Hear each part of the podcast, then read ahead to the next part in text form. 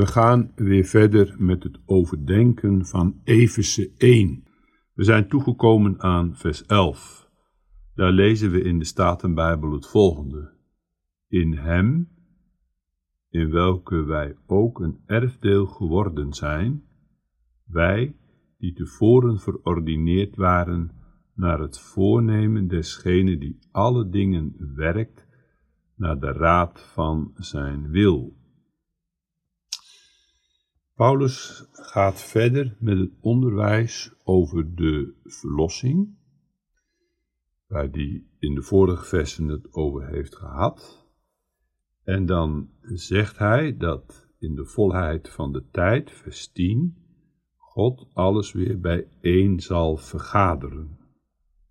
Er komt dus een, een totale vernieuwing en in die vernieuwing zullen Gods kinderen, de gelovigen, delen. In vers 11 gaat Paulus daarop verder. En dan wijst hij er eerst op dat het allemaal gebeurt in hem. In het vorige vers werd het woord gebruikt tot één te vergaderen. En in die woorden tot één te vergaderen zit het woord hoofd in, in het Grieks. Christus is het hoofd van zijn kerk. En wat hier dus staat, geldt voor allen die aan het hoofd zijn verbonden. Paulus gebruikt vaak in de Bijbel het beeld van een lichaam. In de Korinthebrief doet hij dat. Christus is het hoofd en het hoofd dat heeft ledematen. Armen, benen, buik enzovoorts. Dat beeld gebruikt Paulus en voortdurend wijst hij erop dat Christus het hoofd is. En de gelovigen, de uitverkorenen, de rechtvaardigen, dat zijn de ledematen. Het gaat om het hoofd. En wat er in het hoofd gebeurt, heeft diepe betekenis voor de ledematen, de lidmaten. In hem, en dan gaat Paulus iets zeggen een nieuw voorrecht eigenlijk benoemen. Hij heeft de verlossing benoemd. En nu komt hij bij een erfdeel, in welke wij, de gelovigen dus, ook een erfdeel geworden zijn. Een erfdeel. Dit ziet in de eerste plaats terug op de heilsgeschiedenis in het Oude Testament. We weten allemaal dat bij de intocht in Canaan, we kunnen dat lezen in het boek Jozua, het land werd verdeeld. verschillende stammen kregen een stuk land in het overjordaanse, onder andere de stam van Ruben en de halve stam van Manasse. En de andere stammen kregen een erfdeel in het gebied tussen de Middellandse Zee en de Jordaan, het huidige Israël. En die verdeling, die kunnen we lezen in het boek Jozua. Hoe de Heerde elke stam zijn eigen grondgebied heeft gegeven. In het noorden bijvoorbeeld Issachar en Zebulon. En in het zuiden de stam van Juda en Benjamin. De stam van Dan had een wat verspreid stuk grond in het land gekregen.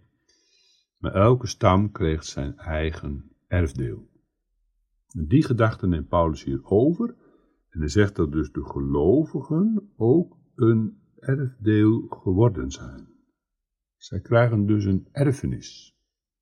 We vinden die gedachte ook in Romeinen 8, vers 17. Daar wordt gezegd dat de gelovigen erfgenamen zijn van God. God is de grote eigenaar en de Heer deelt de erfenis uit aan zijn kinderen. De gelovigen erven mede met Christus. Christus heeft dus als hoofd het erfenis verworven. En zijn gemeente deelt erin mee. Mede-erfgenaam met Christus. Erfgenaam van God en mede-erfgenaam met Christus. Dat erfdeel, dat ziet hier in vers 11 natuurlijk op het eeuwige leven.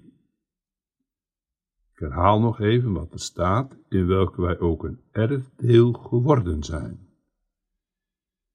Een erfenis zullen ontvangen. Het eeuwige leven, dat is het leven van de heerlijkheid. We beleiden ook in de twaalf artikelen het eeuwige leven. Daarmee wordt niet bedoeld het leven na dit leven voor de gelovigen, maar daarmee wordt bedoeld de eeuwige vreugde. Die eeuwige vreugde die begint hier al in dit leven. En die zet zich voort straks in het leven der heerlijkheid. De eeuwige vreugde is hier ten dele, beperkt, gaat ook met droefheid gepaard, maar die zal eenmaal volmaakt zijn. Ik zal volmaakt uw lof ontvouwen, u in gerechtigheid aanschouwen. De eeuwige vreugde vloeit voort uit de gemeenschap, de gemeenschap met het hoofd, met Christus. Dat is het erfdeel van Gods kinderen in de heerlijkheid. Gemeenschap met God. Dan gaat ook de belofte in vervulling, waar de apostel Paulus over spreekt. Wij zullen hem zien gelijk hij is. Als je daarover wilt lezen, kun je bijvoorbeeld naar de catechismus gaan. En dan zien we dat er een toelichting komt op het eeuwige leven. Dan gaat Paulus vervolgens verder. En dan lezen we weer opnieuw, en dat heeft hij ook in het begin van dit hoofdstuk al onderstreept, wij die tevoren verordineerd waren naar het voornemen desgene die alle dingen werkt naar de raad van zijn wil. Nogmaals onderstreept Paulus dat het enkel genade is, verkiezende genade, waardoor daar in Efeze een gemeente is ontstaan. Dat is een element wat we voortdurend terugvinden in de brieven van Paulus. Het hangt niet af van de activiteit van die mens of van Paulus. Het is Gods verkiezende genade. Zijn vrije gunst, waardoor die gemeente is ontstaan. Genade, enkel genade. Straks in het tweede hoofdstuk komt Paulus er ook nog wel op terug. En genade is dat God iets geeft wat wij totaal niet hebben verdiend.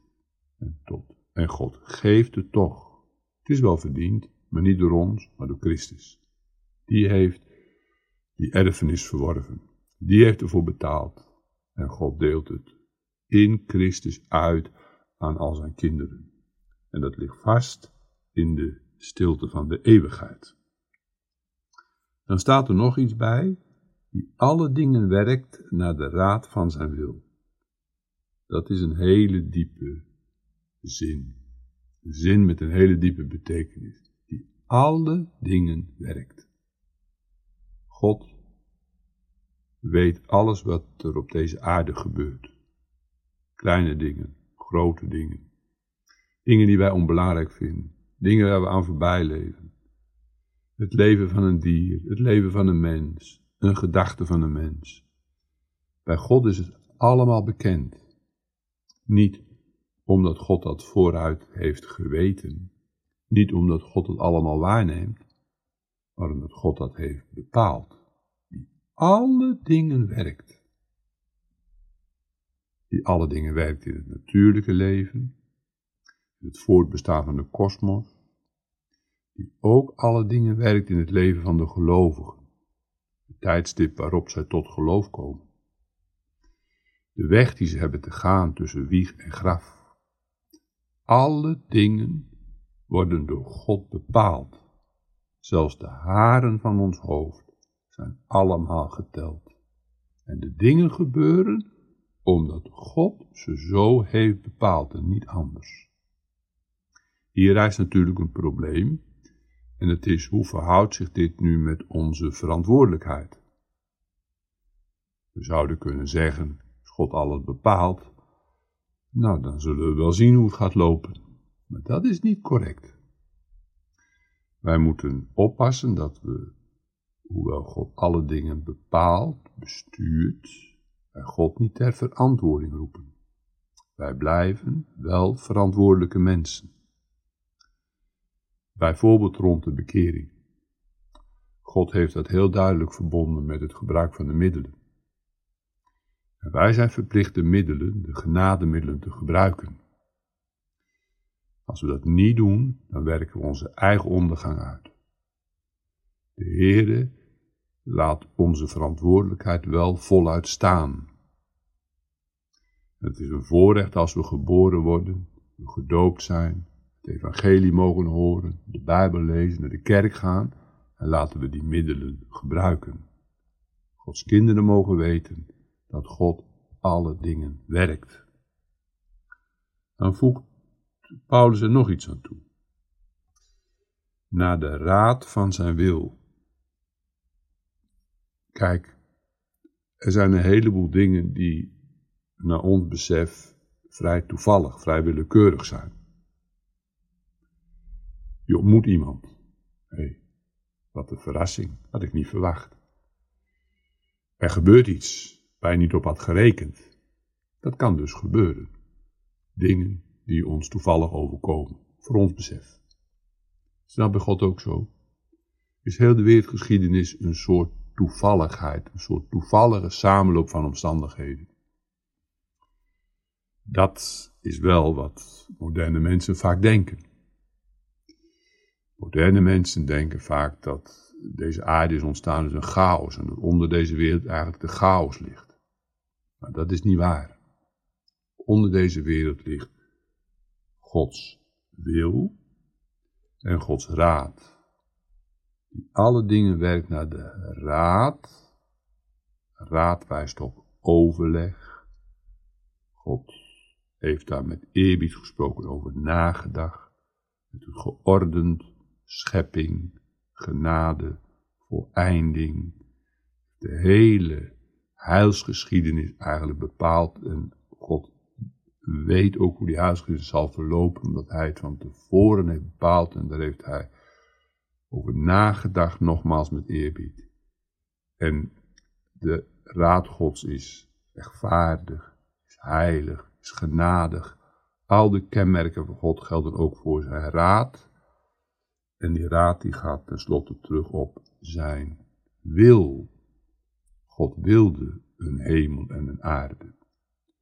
God wilde dat er mensen zouden komen. God wilde dat mensen die gevallen waren behouden zouden worden. Dat is Gods wil in deze wereld. Nu zitten er aan de wil van God ook nog wel weer bepaalde elementen. U kent misschien wel, of je kent misschien wel, het verschil tussen de wil van het bevel en de wil van het besluit. Dat is een dogmatische onderscheiding. Kijk, de wil van het bevel, dat is wat God in de Bijbel openbaart. Zijn geboden. De opdracht om te geloven. Dat zijn allemaal elementen van Gods wil die hij openbaart. Gods geopenbaarde wil. Dat bepaalt onze verantwoordelijkheid. Wij hebben maar gehoorzaam te doen wat God van ons vraagt. Niets meer en niets minder. Gods geopenbaarde wil. Daarnaast is er, of daarin eigenlijk, Gods verborgen wil. Dat is Gods besluit. Dat besluit bepaalt dat het gaat gebeuren. En dit besluit van God, dat wordt hier door Paulus bedoeld, dat hij alle dingen werkt naar de raad van zijn wil.